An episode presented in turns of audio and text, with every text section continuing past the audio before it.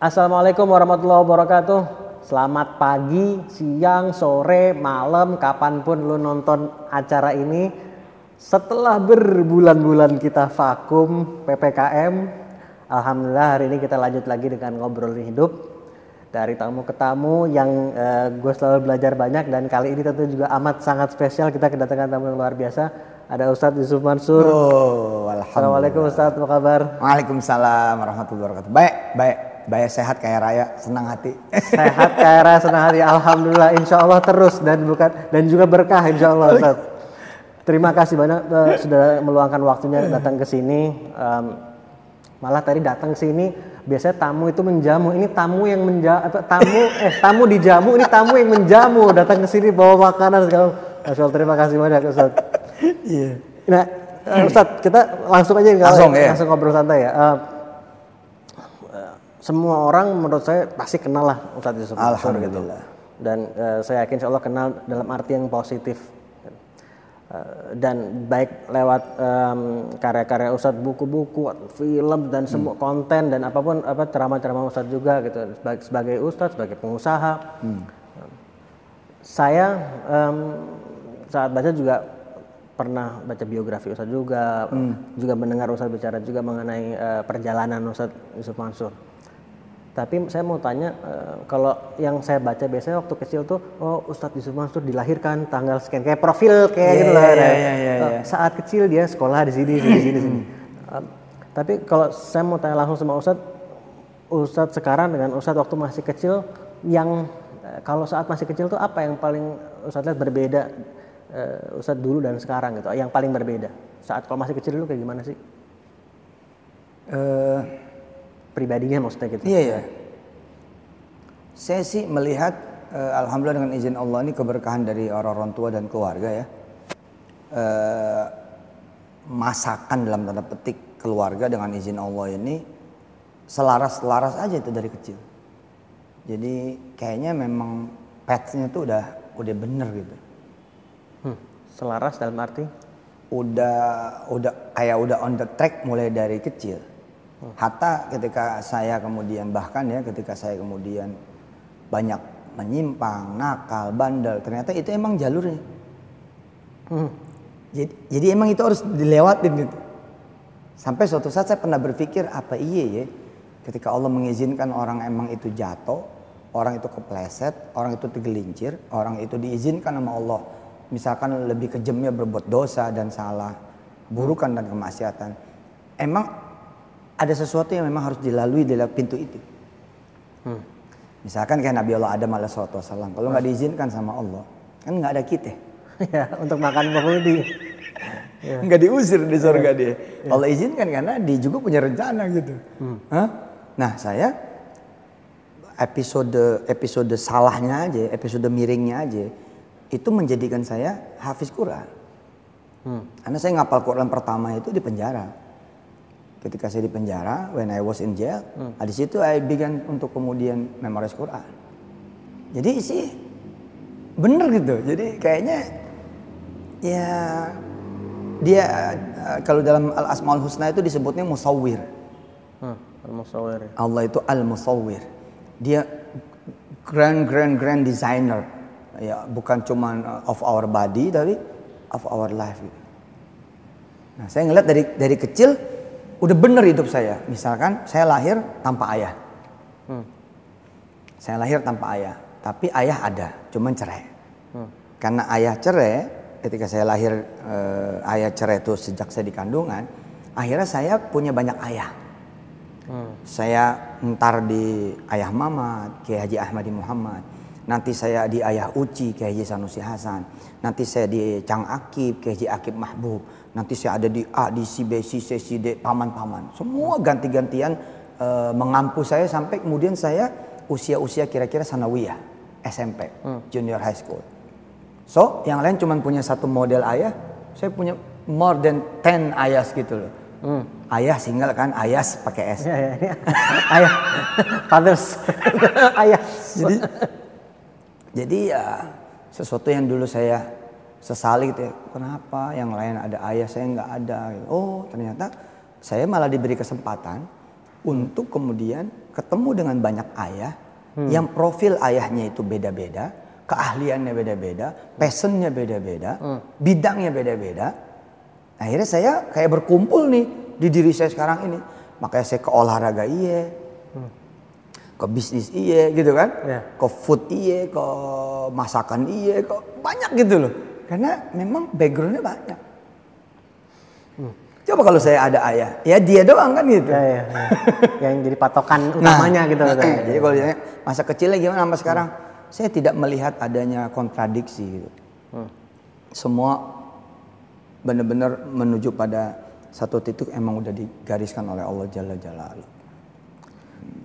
Kalau soal em, kan yang saya baca Ustaz juga dari eh, sekolah dulu suka eh, belajar untuk apa, berpidato, untuk Oh, apa, iya. cer- ceramah gitu kan. Iya. Itu kan biasanya orang yang, yang berceramah berpidato kan juga ada kepercayaan diri lah Iya, gitu kan. iya, Nah, iya. Dan saya pun sekarang lihat Ustaz juga orang yang percaya diri pede lah gitu. Nah, dalam arti sangat positif tentunya Iya, gitu. iya, kan ada iya. orang yang terus over juga. Iya, kan iya. Ustaz kan enggak kalau saya melihatnya. Nah, eh, tapi apakah dari kecil juga sudah seperti itu?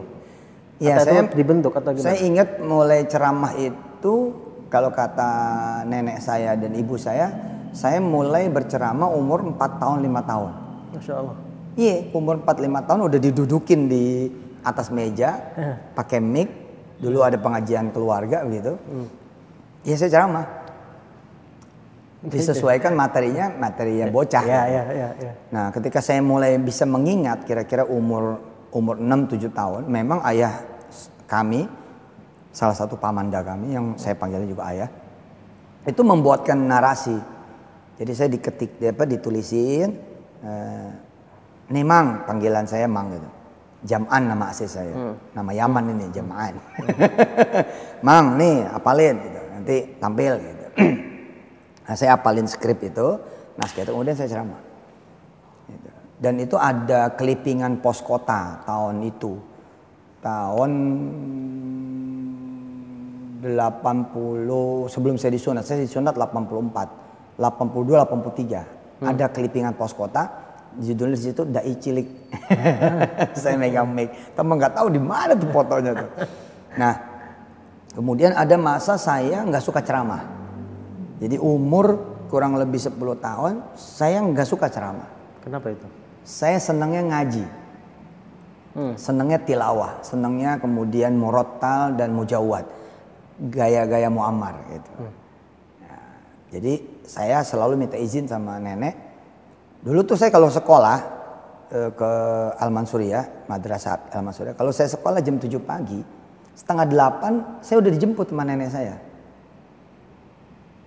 Pak Junedi izin ya, ini si Yusuf mau kita bawa pengajian gitu.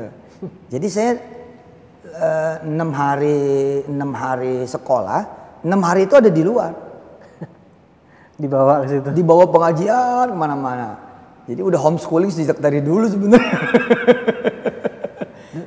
Dan eh, jadi lebih suka tilawah kemudian menjadi nggak suka ceramah atau menjadi lebih suka tilawahnya daripada ceramah? Nggak suka ceramah, Jadi pengennya betul- ngaji aja. berubah gitu. Berubah. Jadi saya kalau tetap ikut sama nenek, tapi saya bilang saya ngaji aja ya gitu. Nah kelak nanti ini membentuk lebih hebat lagi dengan izin Allah karena saya menjadi public speaker, menjadi penceramah, menjadi motivator, menjadi inspirator yang juga bisa baca Quran.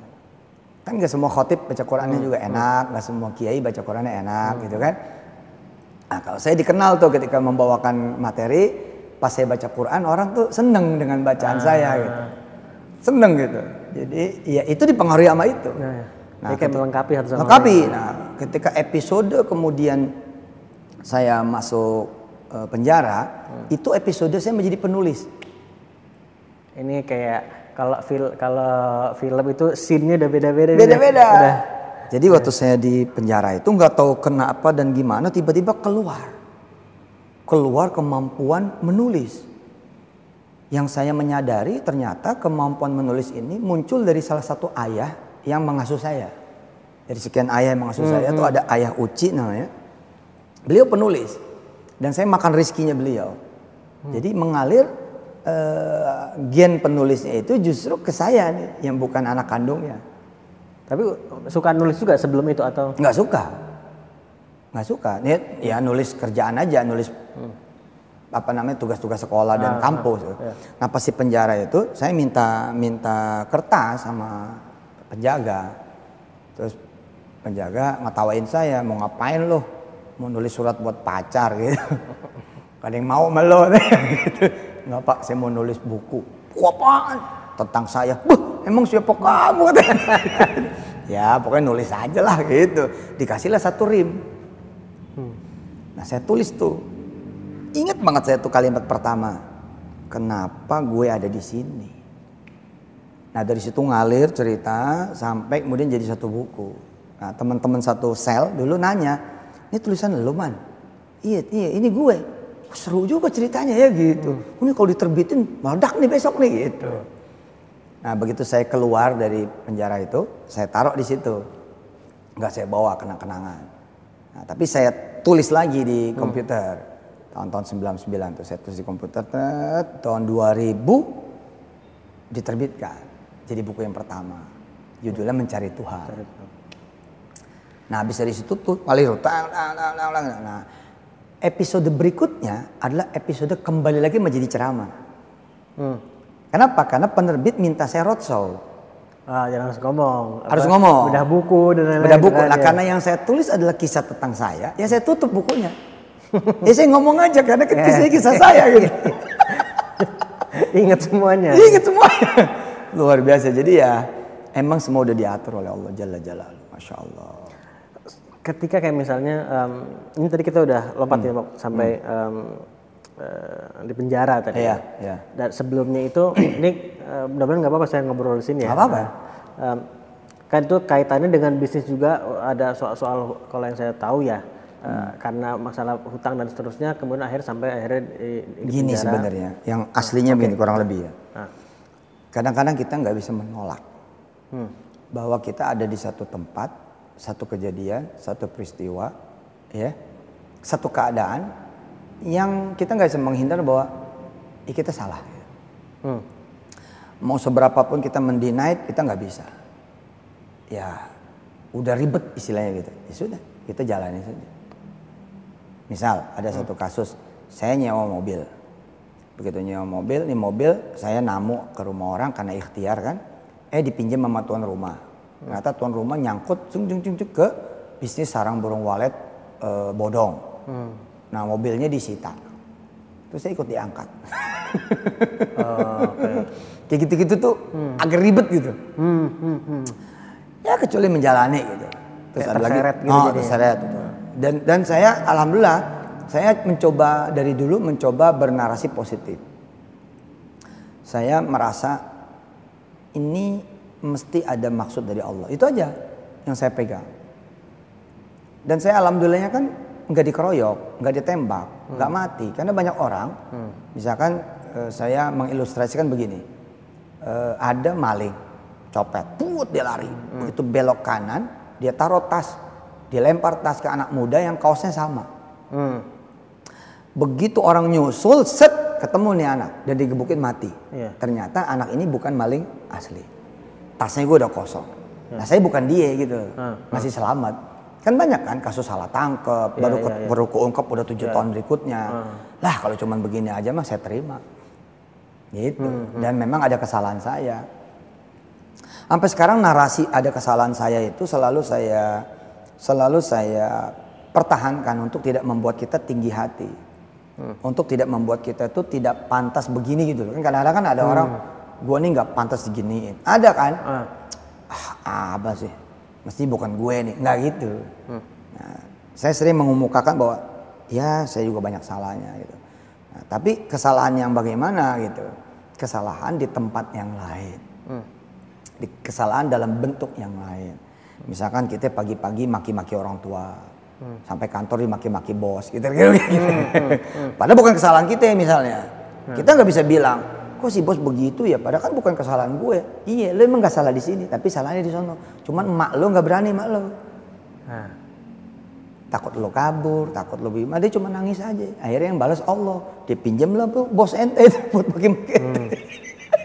nah gitu-gitu tuh saya mencoba, oh kenapa muncul begini muncul begitu? Ya udahlah sebab saya. Ini, ini ini menarik Ustadz. Art- saya melihat ini itu kan sebuah keyakinan gitu. Hmm. Em, Dan keyakinan itu kalau saya melihatnya Iya. gitu, itu kan kita bicara sesuatu yang sifatnya di hati. Iya. Terkadang di otak bisa memahami atau iya saya sudah tahu bahwa seperti itu, tapi kadang di hati belum yang paling dalam betul Hmm. belum betul-betul yakin gitu. Nah kalau tadi Ustadz seperti itu berarti kan saya lihat itu sudah sudah ada keyakinan dalam hati. Nah itu eh, sampai tertanam keyakinan seperti itu kan berproses kalau kalau menurut Oh saya. lama pak, ini perjalanan hidup kok. Karena kalau kalau belum tertanam sebelumnya sulit di saat itu kemudian untuk berpikir begitu kan. Ini perjalanan Seperti apa hidup. prosesnya gitu? Ini perjalanan hidup, tapi jangan lupa perjalanan hidup itu perlu ilmu. Hmm. Nah saya bersyukur banyak ilmu dengan izin Allah lewat berbagai pintu cara dan modelnya. Jadi saya belajar tuh misalkan saya belajar tentang ya alhamdulillah background saya ya ketolong lah dengan izin Allah hidup di lingkungan yang eh, menjalankan agama tidak secara ritual saja tapi menjalankan agama secara juga pendidikan akademisi. Karena saya lahir di, di pesantren. Iya, iya. saya lahir di madrasah saya lahir di masjid yang banyak pengajiannya. Jadi banyak kearifan-kearifan yang kemudian masuk eh, saat itu belum tahu tapi kemudian menjadi menginternalisasi menjadi menjadi kemudian sesuatu becoming something ketika kita kemudian menjalani. Contoh misalkan ada ada suka kita suka dengar doa begini kan Allahumma fir lana dzunubana gitu kan wa kaffir anna sayyiatina kan gitu ya wa kaffir anna sayyiatina. Nanti ntar Allah beresin tuh yang ribet-ribet yang nggak selesai-selesai yang susah-susah yang cacat-cacat yang aib-aib yang jelek-jelek yang ntar Allah beresin. Eh, sampai ke urusan tata nilai sampai ke urusan persepsi. Hmm. ya di surat Muhammad juga ada ada ayat yang bunyinya seperti itu. Alladzina kafaru wa saddu an sabilillahi adalla a'malahum والذين آمنوا وعملوا الصالحات وآمنوا وآمنوا بما نزل على محمد وهو الحق من ربهم كفر عنهم سيئاتهم وأصلح بالهم. Keren itu. Jadi sebenarnya ketika muncul energi negatif, peristiwa jelek, keadaan yang buruk, suasana yang mencekam, ya. Kemudian juga mm, misalkan keuangan yang memburuk, kesulitan, hadis sebenarnya sebenarnya itu terjadi karena kita menjauh dari poros utama kita, yakni Allah dan Rasulnya. Menjauh dari poros. Iya.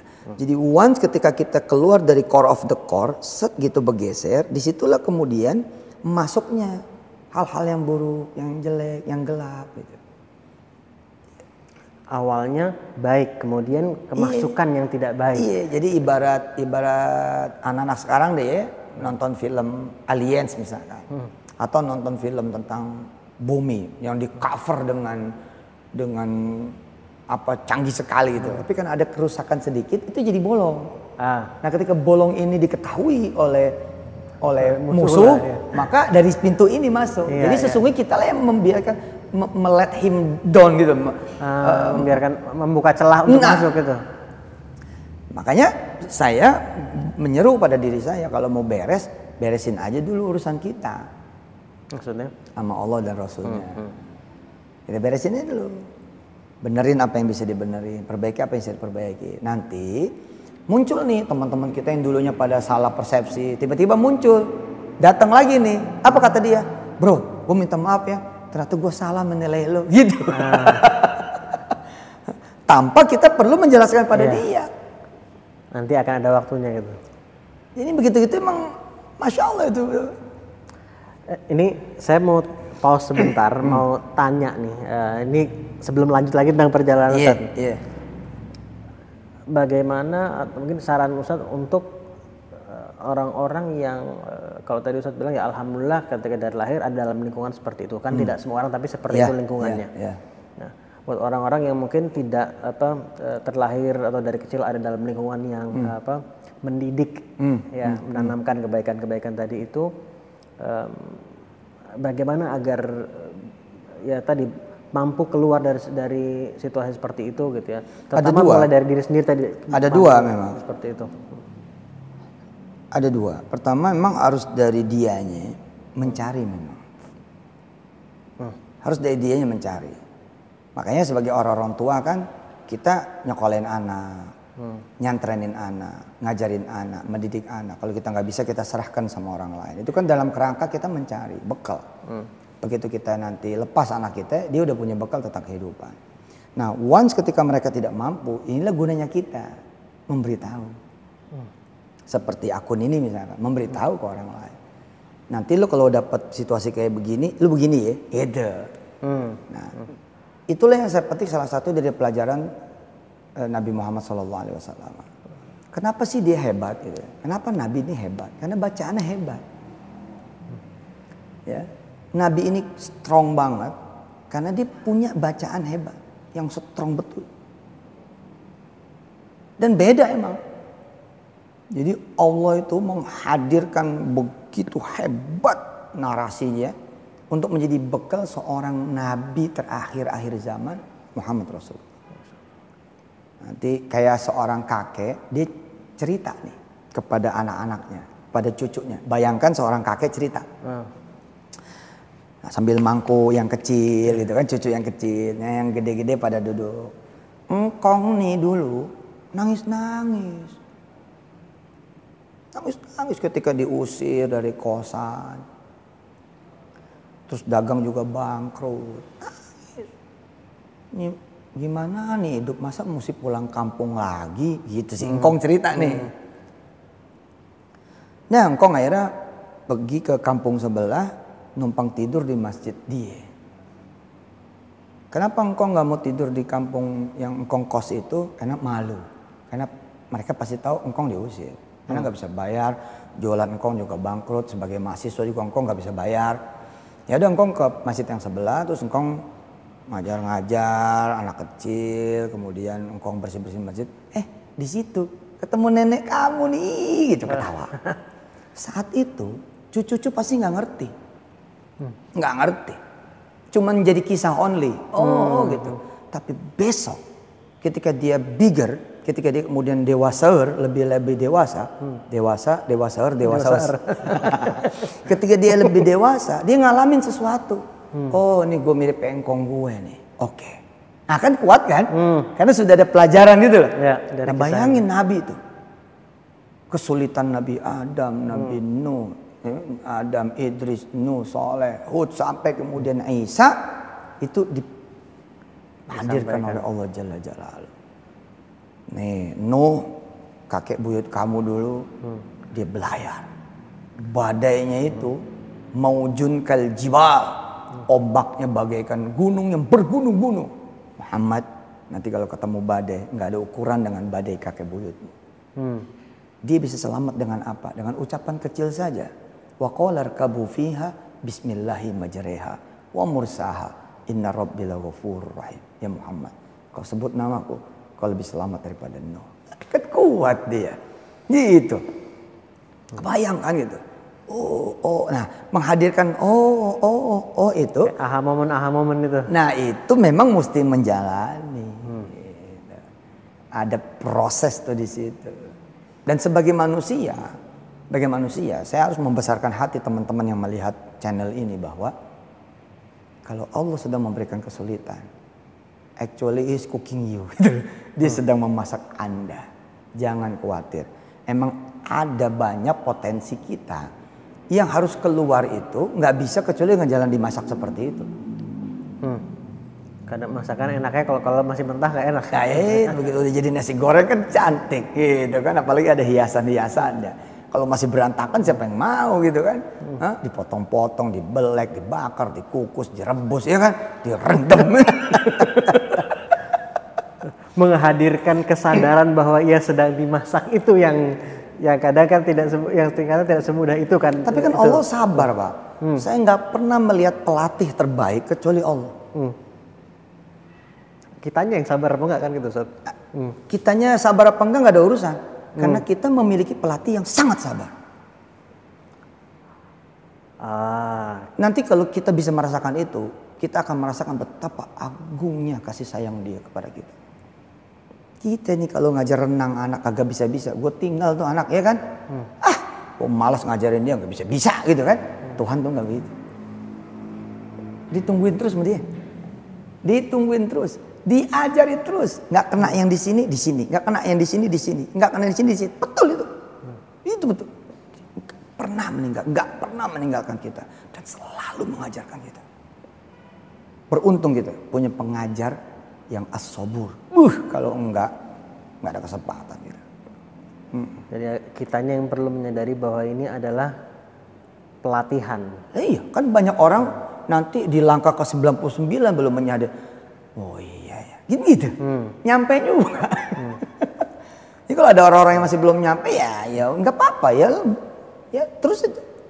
Saya pernah membaca saya nggak tahu tulisan siapa saya nggak ingat tapi kalimatnya kurang lebih bahwa apa pembelajaran dalam hidup itu atau lesson in your life itu akan terus repeated di apa diulang terus sampai kamu belajar gitu.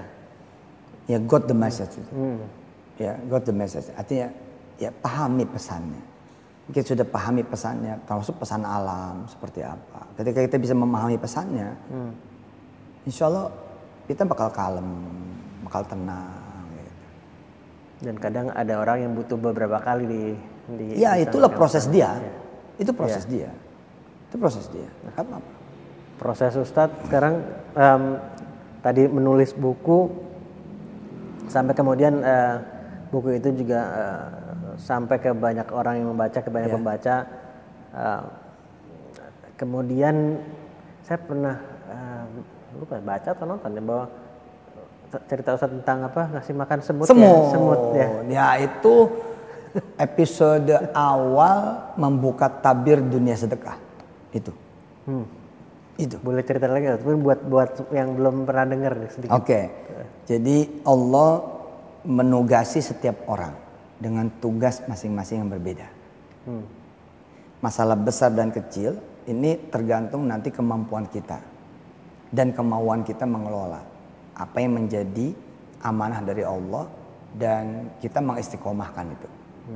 Jadi ada orang misalkan punya kemampuan bakar sate, itu amanahnya Allah memang. Hmm. Agar terjadilah hulu ke hilir dari mulai ternak sampai kemudian serving kepada hmm. pembeli sate itu.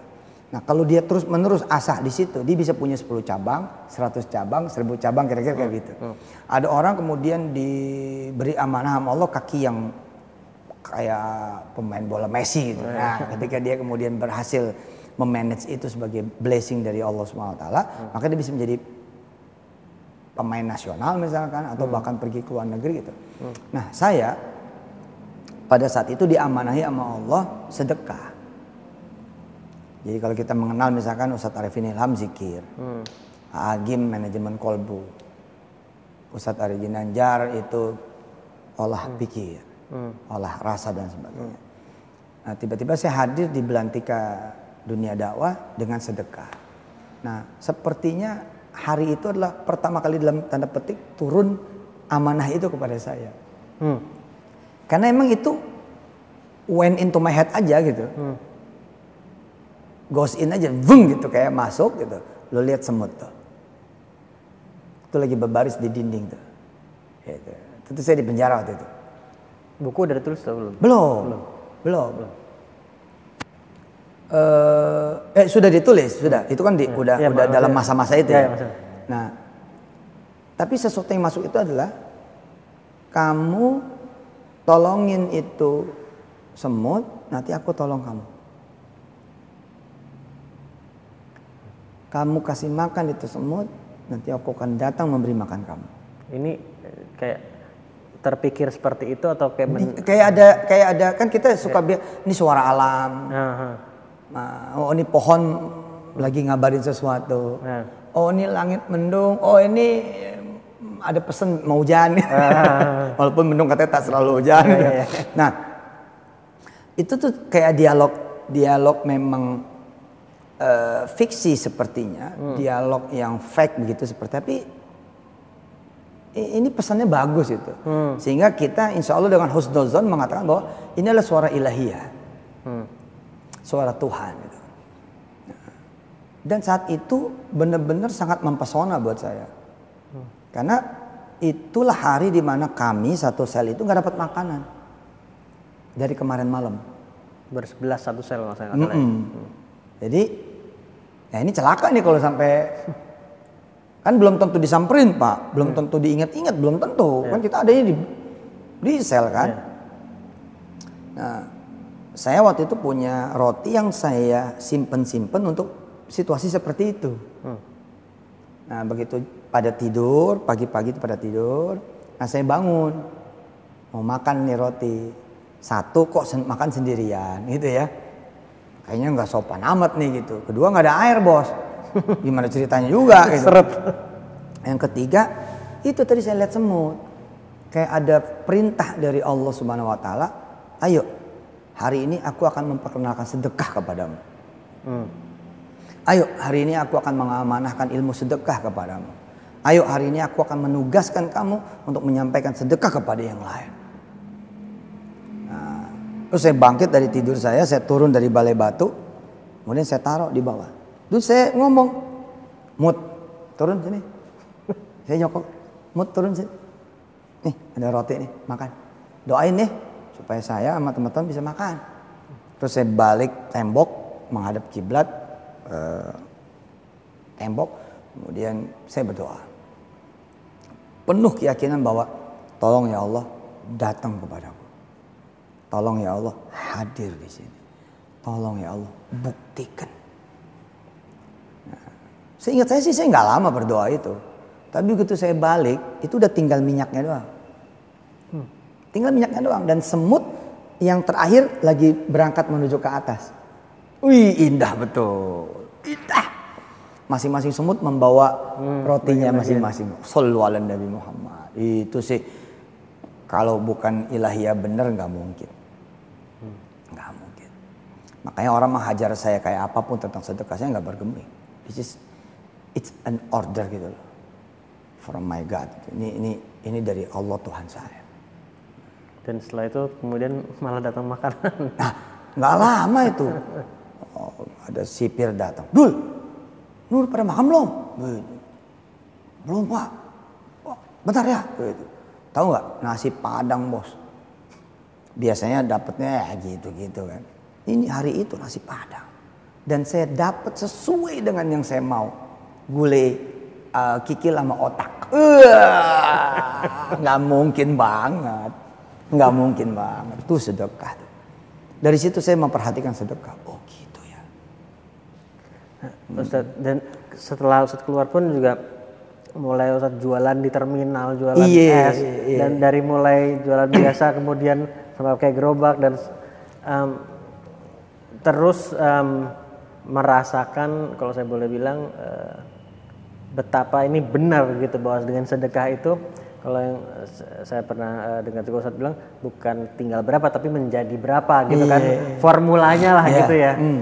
Eh, dan untuk ini kembali ke tadi ke- keyakinan tadi em, untuk orang yang mungkin belum belum merasakan atau mungkin mungkin sudah terjadi tapi dia belum menyadari apa kebaikan dari sedekah itu sendiri gitu ya terkadang kita suka ragu atau kita jadi, jadi sedekah atau kadang dengan perhitungan mudah-mudahan gue dapat segini nih kan gitu nah itu melatih keyakinan dan juga keikhlasan dalam bersedekah tuh Makanya kan saya menurut Ustadz gimana? menyadari bahwa saya datang ke belantika sedekah, saya datang ke dunia sedekah memang membawa diksi yang berbeda.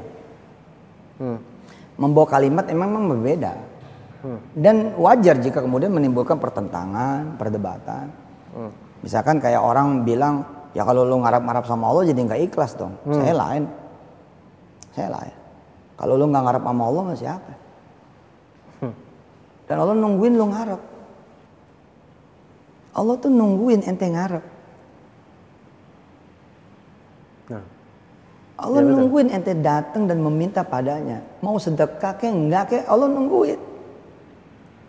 Saya nggak nerima tuh, nggak bisa nerima bukan nggak nerima. Saya nggak bisa menerima kalau ada orang bilang Sedekah jadi menghalangi meminta. Gak bisa saya. How come? Bagaimana mungkin? Sedekah bisa menghalangi orang meminta tuh bagaimana mungkin? Sebelum sedekah nggak keluar kalimat itu. Tapi setelah sedekah dilekatkan kalimat itu sehingga orang jadi jadi jadi gamang. Hmm. Hmm? Dia dia nggak belum berjodoh misalnya. Perempuan ini belum berjodoh. Terus dia sedekahkan cincinnya. Ya Allah. Aku sedekahkan cincinku ini. Tolong ya Allah, hadirkan jodoh untukku. Dang. Nggak boleh. Oh, nggak ikhlas ini sedekahnya. Wah, udahlah. Biarkan Allah yang ngatur hidupmu. Nggak keterima tuh mau otak saya. Jadi menurut Ustaz ya nggak apa-apa begitu gitu. Lah orang dia nggak sedekah aja. Hmm. Dia nggak sedekah nih. Kita rewind, kita kita hmm. kita kita, kita balikin nih. Yeah. Gitu. Set, nih nggak sedekah. Hmm. Ya Allah. Hadirkan, Hadirkan jodoh, jodoh untuk. Boleh ya? Boleh. Ya. Oke, okay. okay. boleh ya? Yeah. Deal? Deal. Setuju? ya. Sekarang saya sedekah nih. Set. Ya Allah. Terima sedekahku dan hadirkan jodoh untuk. Terus gimana katanya? Hmm. Katanya gimana katanya? Ya boleh lah. Enggak dong, katanya kan nggak boleh. Oh maksudnya tadi, ya tadi ada ada yang bilang nggak nah, gak boleh kan? Ah, ah. Kalau nggak boleh kan berarti sedekah menghalangi dong. Ah. kalau sedekah menghalangi meminta, hmm. gue mendingan sedekah, mendingan enggak. Kalau kalau seandainya benar, mendingan enggak kan? Mendingan gitu enggak. Kan? Ya. Berarti kan ada yang salah nih narasinya. Iya, iya. Ya. Kebetulan saya bahasa Indonesia itu 10. Hmm. Dari SD sampai SMA 10 bahasa Indonesia saya. Cuman yang lainnya 100 itu masalah emang. Jadi kan ada frasa mayor, ada mungkin, frasa minor. Mungkin perlu juga ini masuk stand up comedy sorry, sorry, sorry, terus, terus, terus. Kan ada frasa mayor, ada frasa minor. Uh, Betul nggak? Ya. Kadang-kadang kita frasa mayor sama minornya kontradiktif karena emang ini persoalan bahasa. Hmm. Harusnya kan, harusnya nih frasa mayor yang dipakai adalah kalau sebelum sedekah aja boleh meminta. Nah, maka perasa minornya hmm. jadi tambah benar, apalagi setelah bersedekah. Hmm. Dan ini nanti ke mana-mana ngaji kok pengen kaya. Sebentar bos, sebentar bos, sebentar. Kalau gua nggak ngaji, boleh gua gak pengen kaya? Ya boleh, pengen kaya kan siapa aja boleh. Hmm. Nah, terus gue ngaji kenapa jadi gue nggak boleh pengen kaya? Ini bukan kesalahan lu, kesalahan gue, tapi kesalahan diksi. Iya, iya. Diksi yang dipakai adalah ngaji kok pengen kaya. Ya selesai pak. Hmm. Kalau diksinya begitu ya hmm, selesai hmm, pak. Hmm. Siapa juga akan ngaminin? Iya, iya, bukan karena Allah dong. Iya selesai lah pak. Nggak ada ruang diskusi di situ mah. Hmm. Ya. Tapi ketika kita coba urai sebentar nih. Jadi kalau gua nggak ngaji nih, gua nggak ngaji nih, terus gue bilang ya Allah saya bosan banget nih miskin ya Allah, bosan asli bosan. Bosan di anjing-anjingin, bosan di babi-babi, amit-amit deh ya Allah, ah, ditagi ini tagi itu, ampun, jadikan saya orang kaya. Boleh? Hmm. Boleh. Oke, kalau gitu gini gini gini nih. Terus tadi ini gue kan baca wakia nih, gue baca Yasin nih. Hmm. Hah?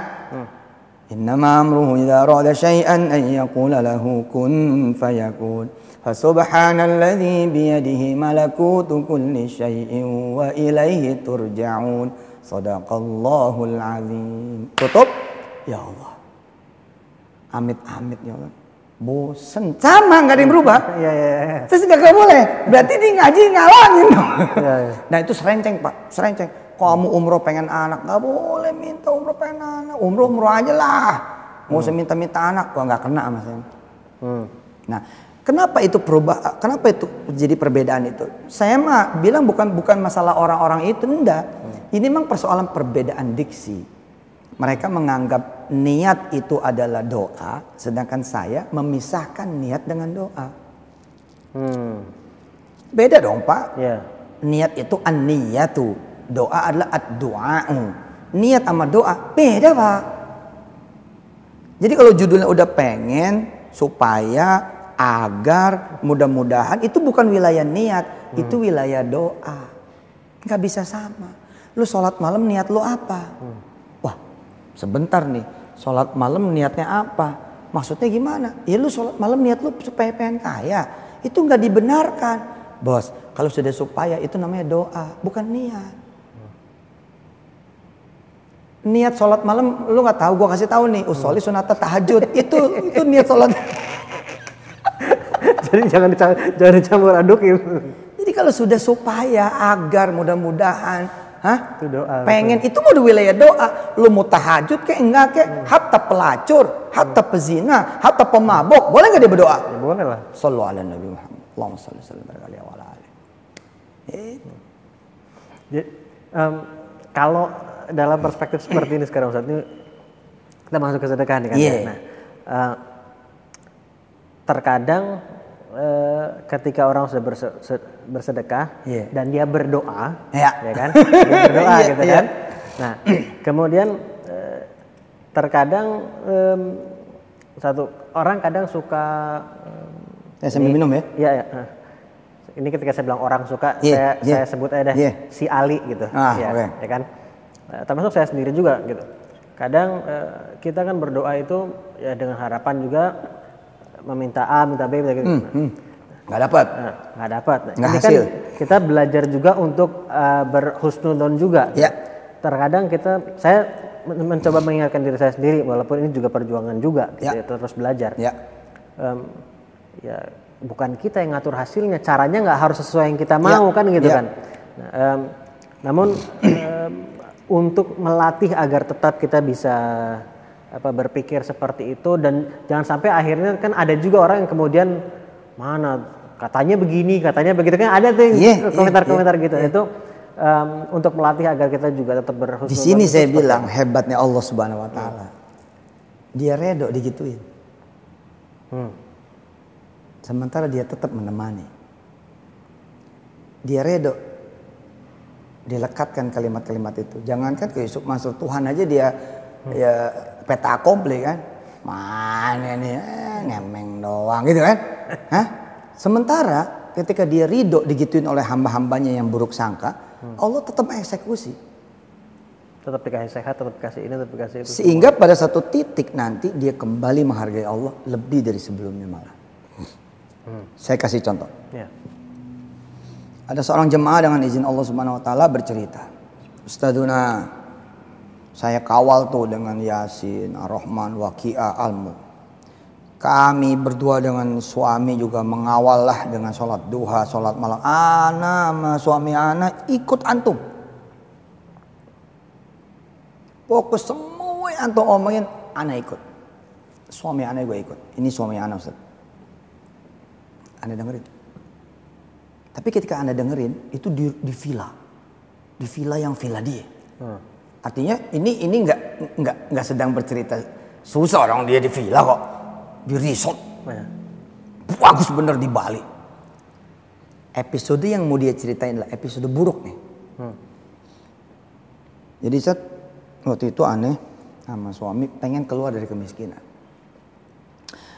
Suami Ana kata orang ini orang Bali itu insya Allah lah ada villa orang yang kuasa jual di tangan dia. Kata Ustadz kan kalau sedekah, sholawat, istighfar, tasbih, empat surat dijalankan jangankan udah punya bayangan, belum punya bayangan aja bakal muncul bayangannya, apalagi udah ada bayangannya. Ustadz, begitu kami geber empat bulan, yang terjadi malah kami hidup suami susah. Suami anak udah di notaris, udah pokoknya udah indah lah. Pagi itu udah indah, udah bakal berubah hidup. Dari situ ntar punya duit, nanti bikin bikin udah udah panjang pikiran. Oh Yusuf Mansur berhasil nih, kira-kira gitu. Oh jawabannya jadi. Padahal kan ketika dia sedekah juga bukan ke saya, nggak tahu ke mana sedekahnya. Ketika dia menjalankan A, B dan C, eh, ketika orang bilang, oh dia nggak ikhlas, enggak itu ikhlas. Ikhlas itu kan menjadikan Allah satu-satu tempat dia meminta. Hmm, hmm. Seribu kali disebut ikhlasnya kelas pedagang, no problem. Nanti masih masuk ikhlas. Nggak apa-apa kan? termasuk ya ikhlas juga ada level-levelnya tapi paling nggak ikhlas juga Yang paling nggak ikhlas juga gitu loh. Dah, Allahumma sholli sallim baraka wa ala ali. Begitu kemudian hari H gagal pak, transaksi gagal. Gara-gara dengan izin Allah Subhanahu Wa Taala nih cerita ya, eh, anaknya si penjual apa apa gitu, itu masuk rumah sakit. Udah tinggal tanda tangan doang bubar pak. Ya namanya orang masuk rumah sakit kan dia Heeh. nggak apa gimana panik. Ya langsung pergi aja. Pak, pak tanda tangan dulu kayak apa? Gak bisa.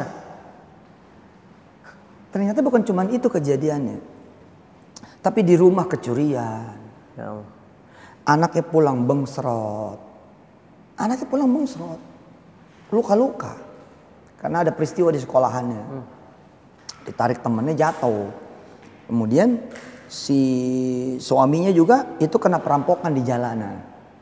Jadi pulang handphonenya, dompetnya, apa pindah tangan.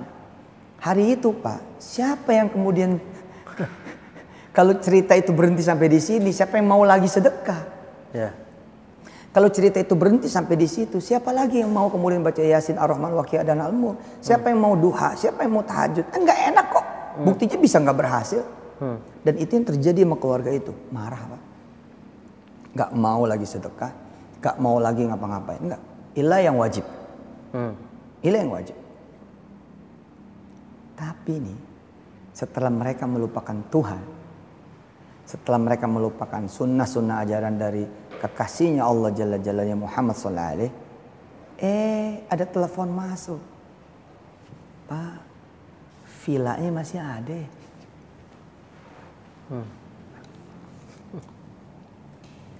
Kaget. Yang mana? Saya apa, apa oh coba coba saya saya kontak kontak masih ada kontak notaris peristiwa empat bulan yang lalu terjadi di empat bulan berikutnya selesai. Hari itu pak dia nangis bercucur air mata. Sudah buruk sangka sama Allah. Terus mencoba olah TKP nah, saya waktu itu bawa ke TV itu orang. Bawa ke TV izin Allah nih cerita.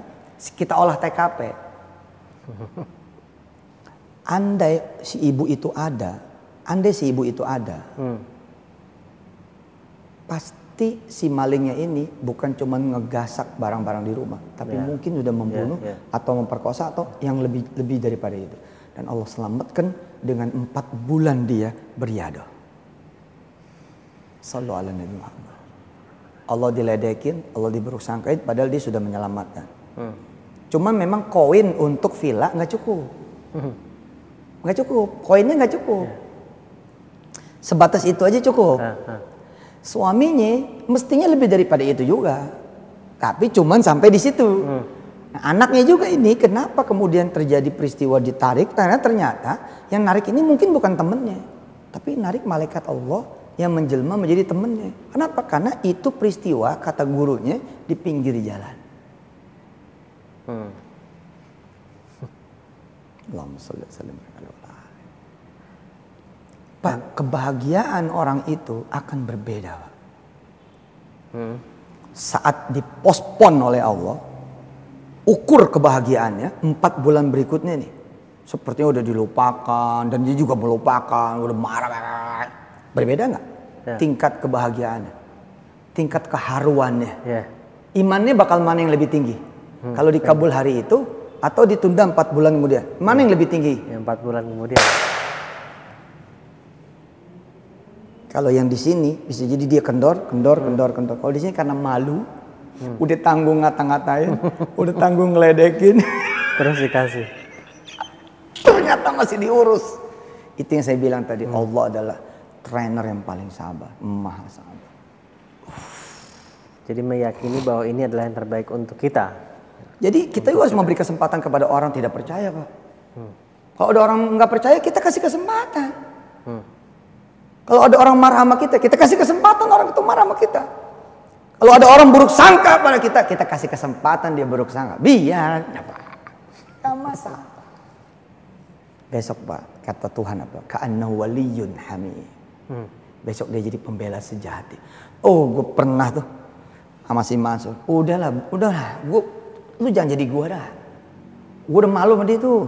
Jangan, jangan jadi gue. Gue pernah jadi, gue pernah jadi gue sama dia tuh. Aduh, ternyata ntar lu malu kayak gue malu. Kan lain beda. Sayyidina Umar bin Khattab juga gitu. Jadi justru jadi pembela yang luar biasa kan gitu. Jadi kalau anda juga harus memberi kesempatan kepada diri anda nih pemirsa. Gitu. Misalkan anda lagi marah, ya beri kesempatan aja anda marah. Iya sudah marah sana. Oh lagi waktunya sebel, ya sebel aja nggak apa-apa. Harus maki-maki. Enggak apa-apa udah, enggak apa-apa. Coba, udah biarin dah. Nah, yang penting jangan lupa ingat pada Allah Subhanahu wa taala. Itu aja jadi rem. Jangan kebablasan. Hmm. Asik ya? Asik banget ini. Uh, ceritanya masih banyak nih. Ah. Mesti beseri nih. Coba kita lihat jam, wah masih banyak. um, uh, Ustadz, kalau sedekah dalam konteks sebagai kan juga disebut sebagai tolak bala juga yep. gitu kan. Yep. Bahwa uh, saya juga melihat bahwa kebaikan itu kan bentuknya bukan hanya sesuatu yang kita iya, dapatkan tapi juga benar. mungkin bencana yang terhindarkan itu kan adalah sebuah benar. kebaikan juga benar, gitu. Benar, benar. Um, dan itu um, itu pun juga uh, tadi ke, semuanya saya rasa kembali ke akar sama bahwa meyakini bahwa akan Ya. apa pun terjadi saat ini bahwa nantinya akan nantinya atau bahkan saat ini pun itu adalah yang terbaik untuk kita saat ini gitu. Iya, iya, iya. Em, kalau eh, menurut Ustadz sendiri, jadi bahwa tadi mungkin memang lagi dimasak gitu kan. Iya, iya. Em, eh, nanti kebaikannya datang nanti atau mungkin kebaikannya memang dalam bentuk em, bencana yang terhindarkan yang memang kita tidak akan pernah tahu karena nggak pernah terjadi karena terhindarkan gitu. Kalau Makanya kan gimana? hebatnya nih kebaikan apa pun sebenarnya bukan cuma sedekah. Dia akan ngegelinding terus. Hmm. Hmm. Jadi pengkreditan dari kebaikan yang kita lakukan apa pun itu bukan cuma sedekah itu nggak akan pernah berhenti pak dengan ditunaikannya sesuatu yang bukan kita minta misalkan orang sedekah pengen pengen punya anak ternyata kemudian pergi haji sesuatu yang dia nggak minta sesuatu yang dia- sebenarnya saya mintanya bukan haji nih pengen anak tapi ya ya alhamdulillah lah ini malah dapat haji terus orang yang udah senior ngingetin lu tuh sama Allah disuruh doa punya anaknya bukan di sini Hmm. Justru Allah pengen denger suara lo ketika lo haji. Astagfirullahaladzim. Gitu ya. Contoh gitu loh. Hmm? Hah? Betul nggak? Ya, ya, ya. Hah? Ya. Ada orang pengen pengen punya jodoh terus dia sedekah laptop. Begitu sedekah laptop, dapat motor. Ngiki ketawa. Aneh sedekah. Notebook agak 2 juta. Pengen jodoh dikasih motor.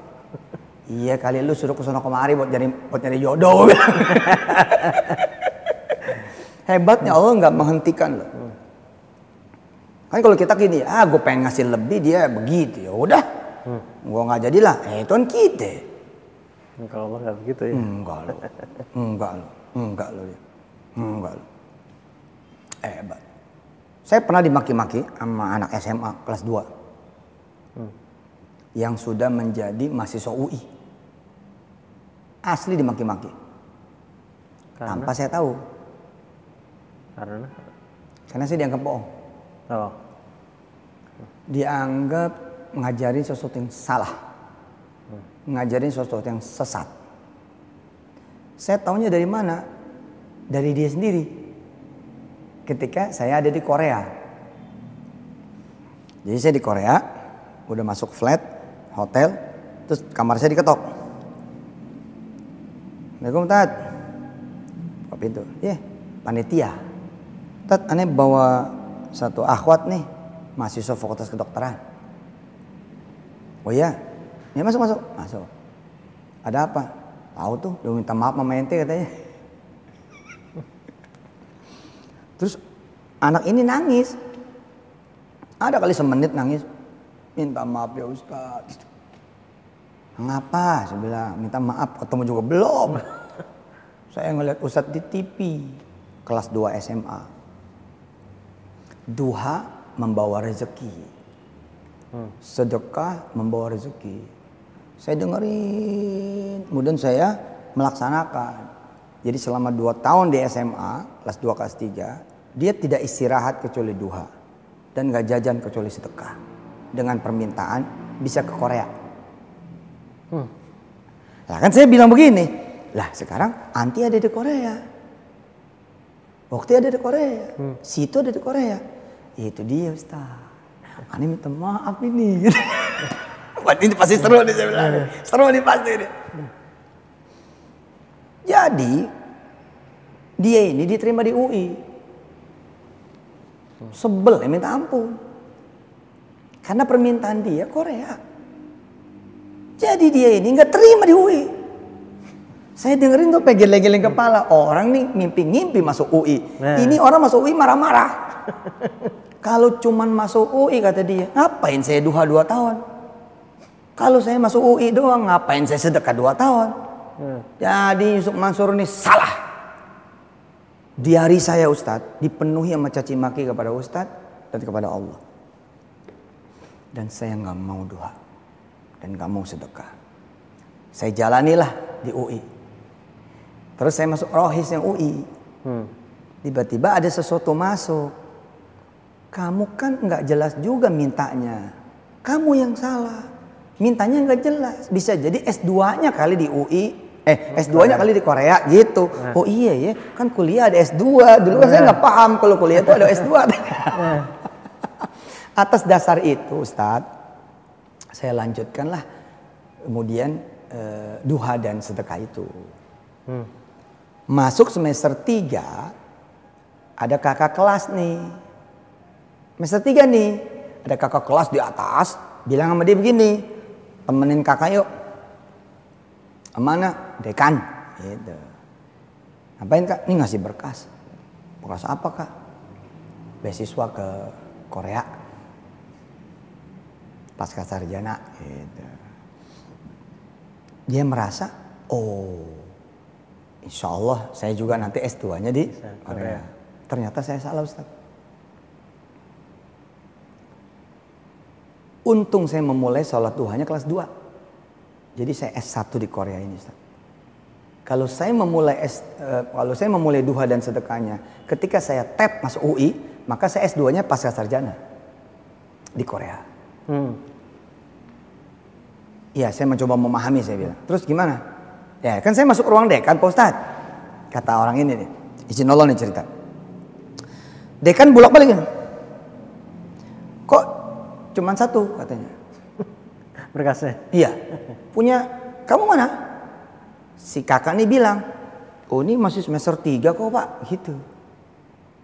"Ini Masih semester 3 kok. Ah, sekalian aja. Terus dia pencet, cuk cuk cuk, cuk. Masuk ruangan. Asistennya masuk.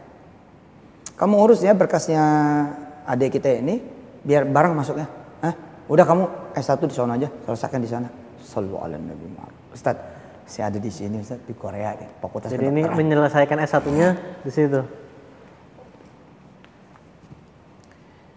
Jadi Allah membiarkan loh kita galau, kita marah, tapi tidak meninggalkan. Kalau kita tuh udah kita panggil malaikat-malaikat tuh udah blok semua.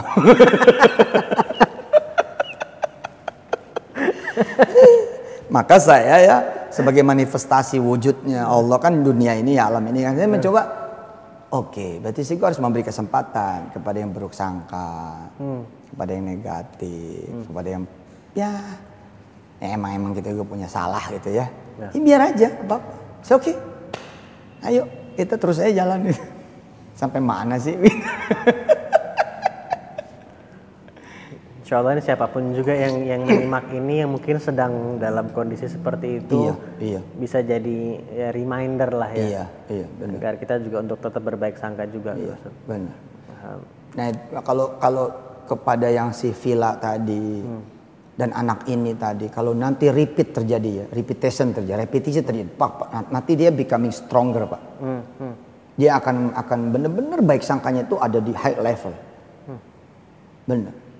Kalau sebelumnya dia perlu marah-marah dulu, perlu meninggalkan dulu, makin besok insya Allah nggak perlu proses itu lagi. Insya Allah.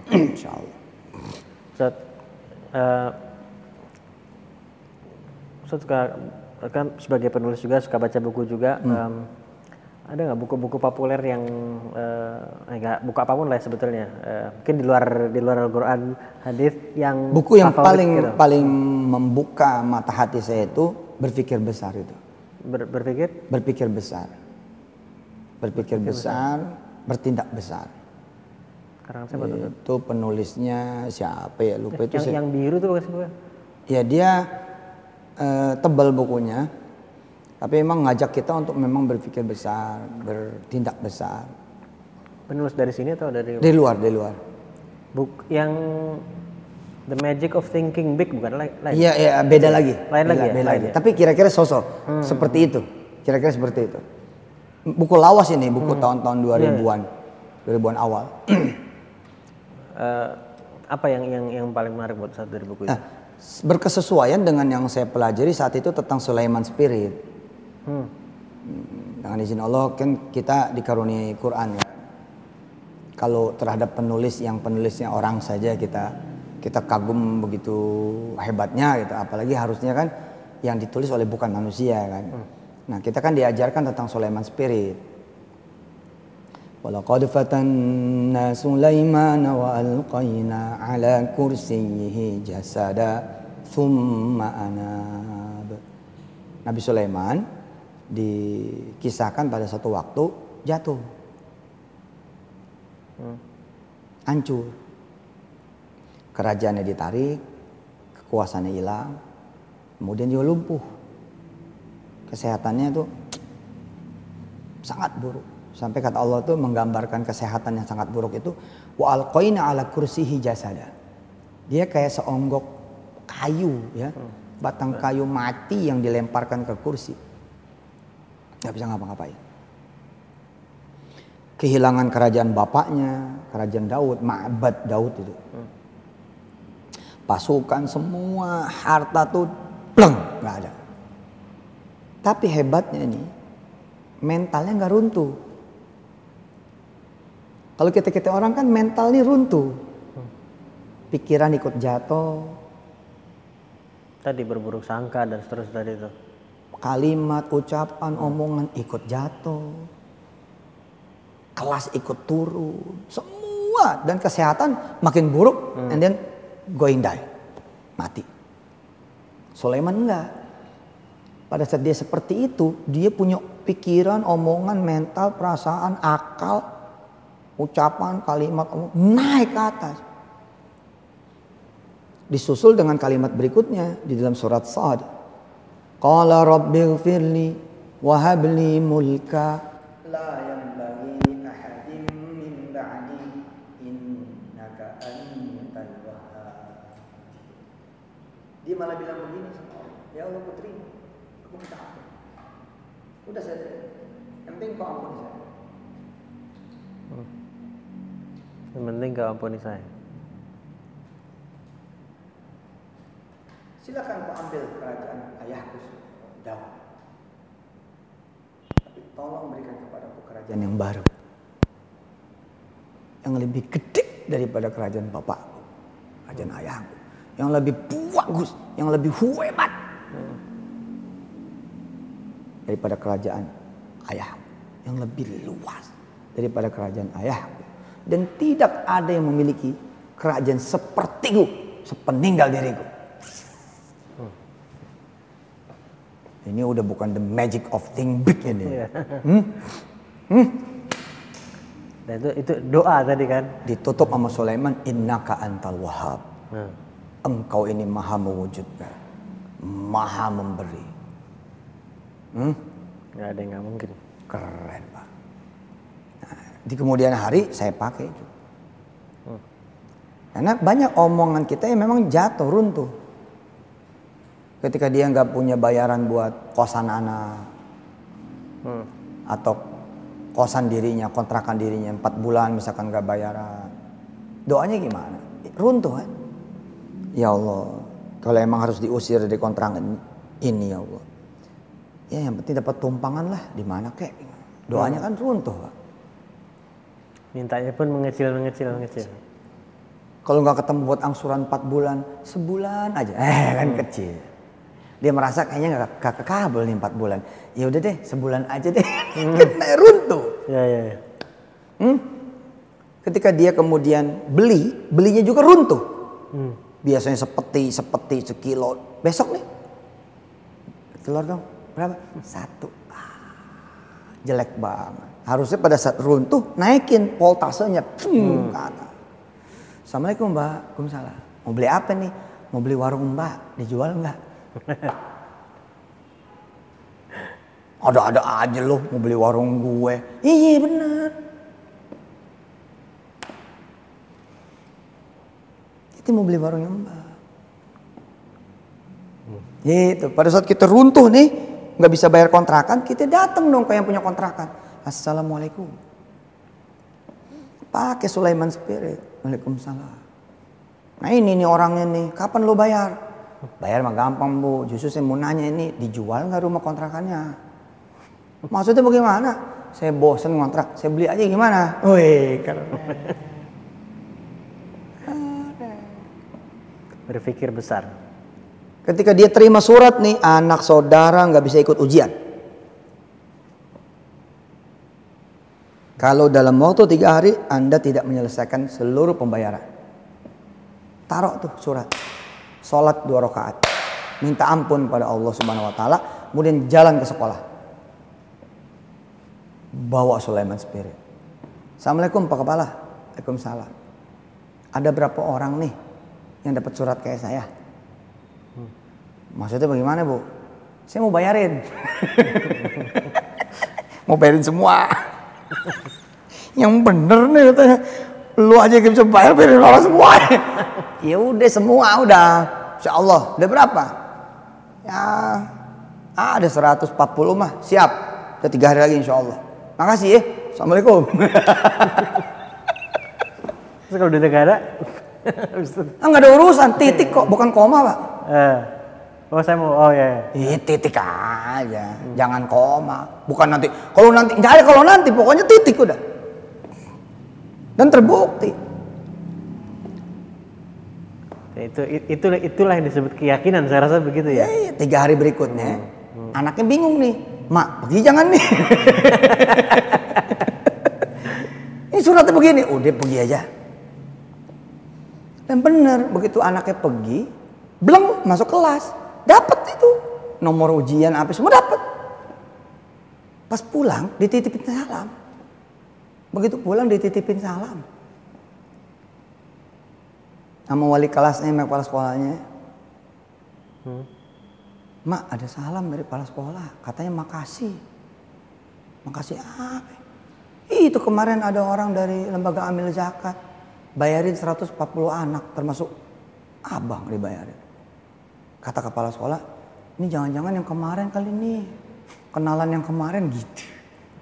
Emaknya bingung. Gue nggak kenal siapa-siapa gitu. Nah kadang-kadang ujian datang bos. Hmm. Nah ini pemirsa nih, hati-hati. Kadang ujian datang. Kalau tadi kan cinta nih, bagus. Ya. Ya, ya. Bagus kan? Iya, iya. Lu nggak? Hmm. Kalau tadi kan ceritanya Hollywood dong, anaknya tetap tetap ujian. Hollywood namanya. Hmm. Itu nggak keren pak. Kurang keren itu. Yang Mau tau nggak yang lebih keren? Lebih keren gimana? Anaknya diusir pak dan orang tuanya dipermalukan. Keren. Maaf ya, bukan cuma kamu nih yang nggak boleh masuk nih ya. Jadi bapak mesti adil. Hmm. Ya, ada 139 anak lain nggak bisa masuk. Jadi bapak mesti adil. Jadi maaf ya nak, kamu nggak bisa masuk. Terus bilang sama ibu kamu yang sombong itu. yang bilang bayarin semua itu. Jangan mikirin yang lain, mikir dia punya anak aja. Hmm. Itu yang hebat pak. Dipermalukan tadi itu. Lebih hebat lagi kemudian dia dicaci maki sama warga kampung sekitar, dicaci maki sama keluarga yang lain-lain. Lalu kemudian si ibu ini memulai mengajarkan anaknya. Ya udah nak, pakai kain kamu, pakai baju koko kamu, pakai peci kamu. Kamu ngaji sama emak. Kamu nggak bisa sekolah? Nggak apa-apa nak. Yang penting jangan sampai nggak ngaji. Ngaji nih anak. A'udzubillahi minasyaitonirrajim. Bismillahirrahmanirrahim. Diajarin. Hmm. Ar-Rahman 'allamal Qur'an. Khalaqal insan 'allamahul bayan. Dapat seminggu, ini anak jadi imam di musola. Hmm? hmm. Jadi imam musola. Anak SMA jadi imam di musola. abang tadi jadi imam bu. Wah, jadi imam. Allah Akbar. iya. Terus orang-orang pada seneng. Ntar Isya nih, abang disuruh jadi imam lagi. Allah. Habis kejadian itu, tetangga kanan kiri nitipin anak. Kanan kiri nitipin anak. Ini anak merinding nih. Merinding. Ini hebat pak. Makanya kalau anda hari ini para pemirsanya Habib Ali ini. Hmm, susah, lo terima. Makin nggak ditolong sama Allah, lo terima. Makin lama lo terima. Kenapa? Besok gede banget bos. Gede banget. Bukan sekedar boleh ujian. Nih lihat kisah ini. 10 tahun berikutnya, ini anak udah jadi ketua yayasan, si ibu jadi ketua pembina, lalu bercerita. Selamat datang. Kurang lebih ada 3000 wali santri di sini. Makasih Pak Wali Kota juga hadir. Ah, ini foto ketika anak saya menjadi murid satu-satunya saya. Tek, 10 tahun yang lalu. Sebagai ketua yayasan anak saya ini homeschooling pak. Kagak ada ijazah dari SMA negerinya pak. Nah ini peristiwa ketika kami mengajukan surat deng gitu. Hah? Ke dinas untuk kemudian buka TKA TPA perdana. Nah ini dua tahun berikutnya ada yang wakaf sebelah rumah menjadi sekolah dan akhirnya sekarang jadi seperti ini. Ini perjalanan 10 tahun yayasan kami berawal dari anak saya dikeluarkan dari sekolah. Makasih semuanya. Silakan Abang, Abang cerita. Abang cerita, saya baru saja selesai pasca sarjana di Birmingham University bla bla bla. Wah, itu top. Makanya kalau kalau ada susah, kalau orang ada susah harus bilang begini sama Allah, kurang susah ini.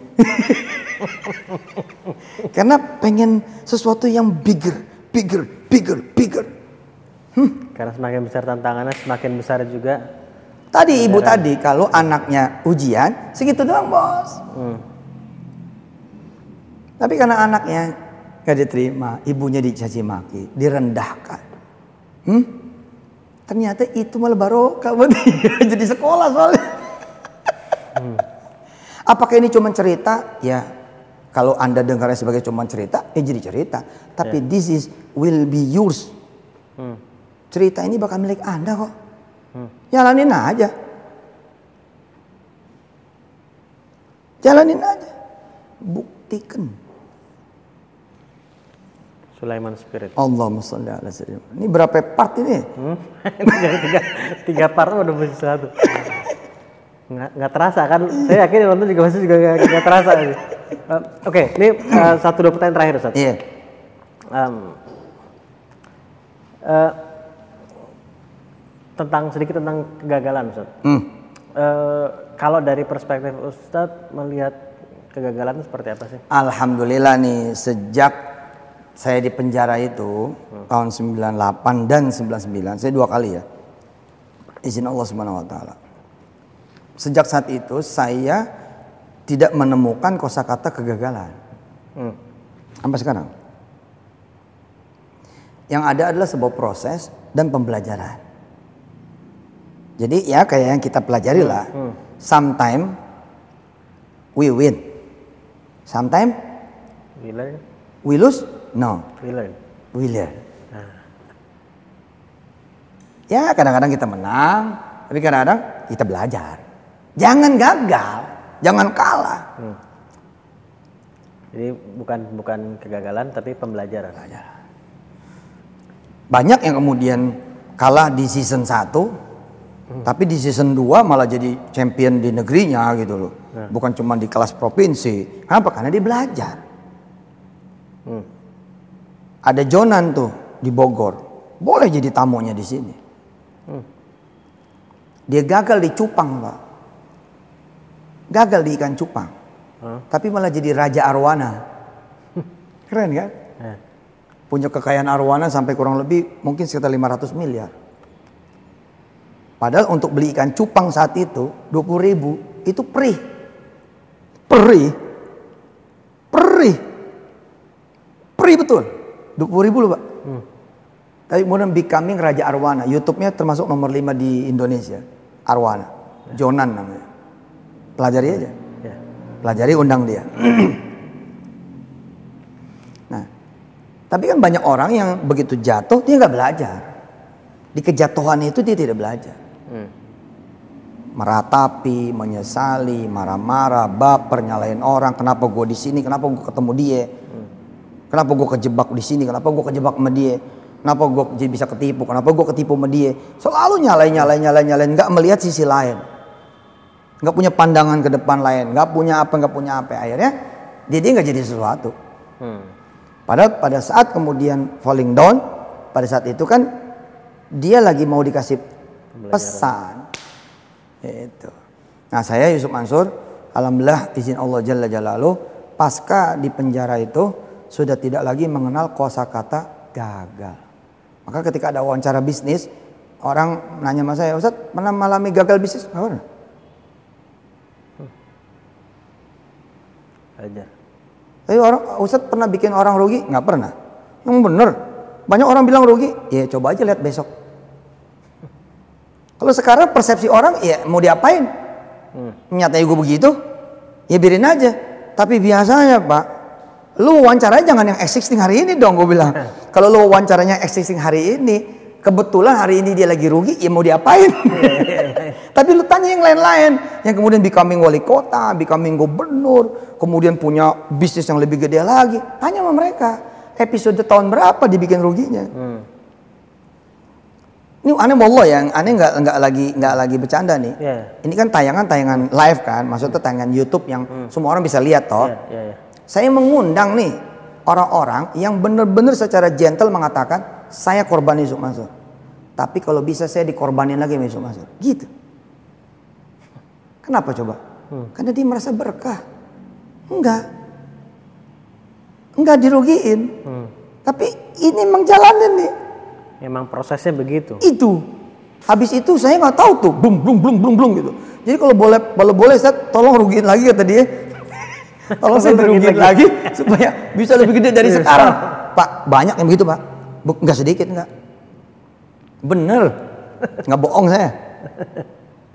Ya kalau wawancaranya existing. Iya, iya. Kayak tadi orang di PHK. Terus lu tanya, bagaimana perasaan Anda? Ya sedih, Pak. Iya, iyalah. Siapa juga Karena ya ini gitu kan. Iya, iya. Tapi lu tanya dong ketika dibuka cabang kedua martabaknya, cabang kelima martabaknya, lu tanya peristiwa tahun itu. Hmm. Bagaimana Bapak perasaannya ketika dulu di PHK? Wah, itu ternyata barokah. Eh, beda. Referensi ini nggak bisa cuma pakai itu doang. ya iya, makanya saya ya nggak apa-apa kalau ini wawancarai yang masih berproses, ya mau diapain lagi? Iya, iya. Masa kita mau bikin klarifikasi tandingan kan nggak usah lah.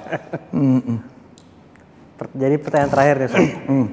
Menjawab pertanyaan yang kalimat pertama di buku itu setelah mungkin 20 tahun Hmm. Oh kemudian iya benar, kan. benar. Kenapa gue di sini tadi? Iya. Jadi jawaban Ustaz apa kalau sekarang Jawabannya- 20 tahun kemudian? jawaban yang panjang kali lebar karena sampai hari ini saya udah menulis kurang lebih 500 buku.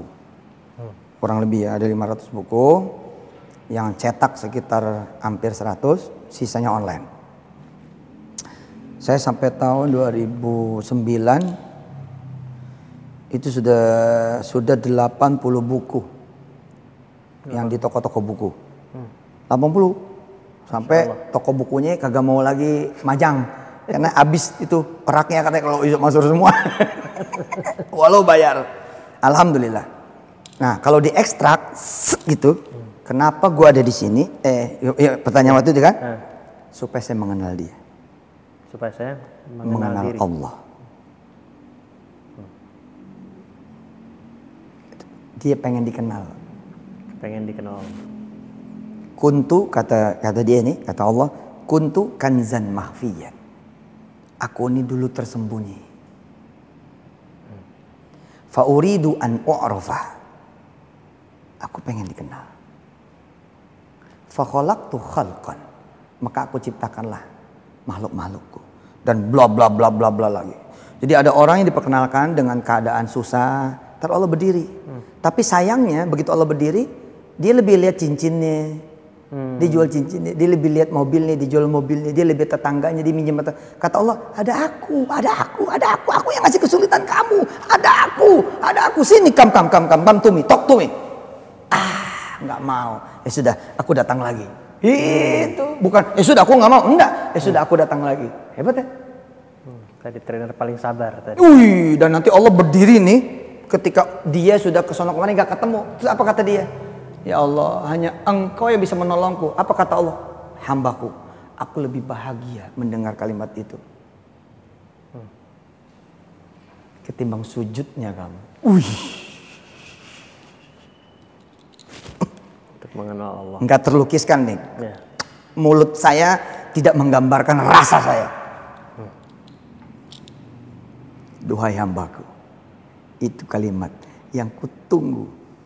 Yang kurindukan dan lebih besar bagiku daripada sujudmu. Allah. Iya banyak orang sujud kosong kan? Harus sujud kosong. Oh, Akbar. Hmm. Oh, oh. Ayo. Ayo. Ayo. Ayo. Ayo. Tapi gitu, ya Allah, mau ke mana nih ya Allah? Cuman engkau, itu yang ditunggu mau. Insya Allah semua yang menyimak ini juga menjadi semakin kenal sama Allah. Dan semua yang termasuk saya juga tentunya. Dan em, kita juga yang kenal pun menjadi semakin kenal juga insya Allah. Allahu karena, Akbar. karena proses mengenalnya saya yakin juga ya akan terus berjalan gitu kan. Allah. Dan saya juga terima kasih banyak sama Ustaz sudah meluangkan waktu jadi panjang kita ngobrol Asik. ini Ustaz. Asik. Eh, tapi insya Allah jadi berkah juga, insya Allah jadi bagian dari amal jariah Ustaz juga dan eh, bermanfaat buat semua yang nyimak dan mungkin buat yang menyimak pun mungkin bisa menyampaikan kepada yang lain juga kita kan nggak pernah tahu. Itu. Insya Allah bisa Itu. bisa ngalir Amin. terus insya Allah. Amin. Terima kasih banyak Ustaz Saya. Mansur atas saya. waktunya. Saya. Eh, lain kali kita, kita ngobrol-ngobrol lagi ya kalau Iya, boleh, boleh, boleh. boleh. Buat eh, teman-teman semua juga, terima kasih udah eh, nyimak sampai sejauh ini. Eh, insya Allah bermanfaat dan insya Allah dimanfaatkan. Kita ketemu di episode selanjutnya. Assalamualaikum warahmatullahi wabarakatuh. Waalaikumsalam warahmatullahi wabarakatuh.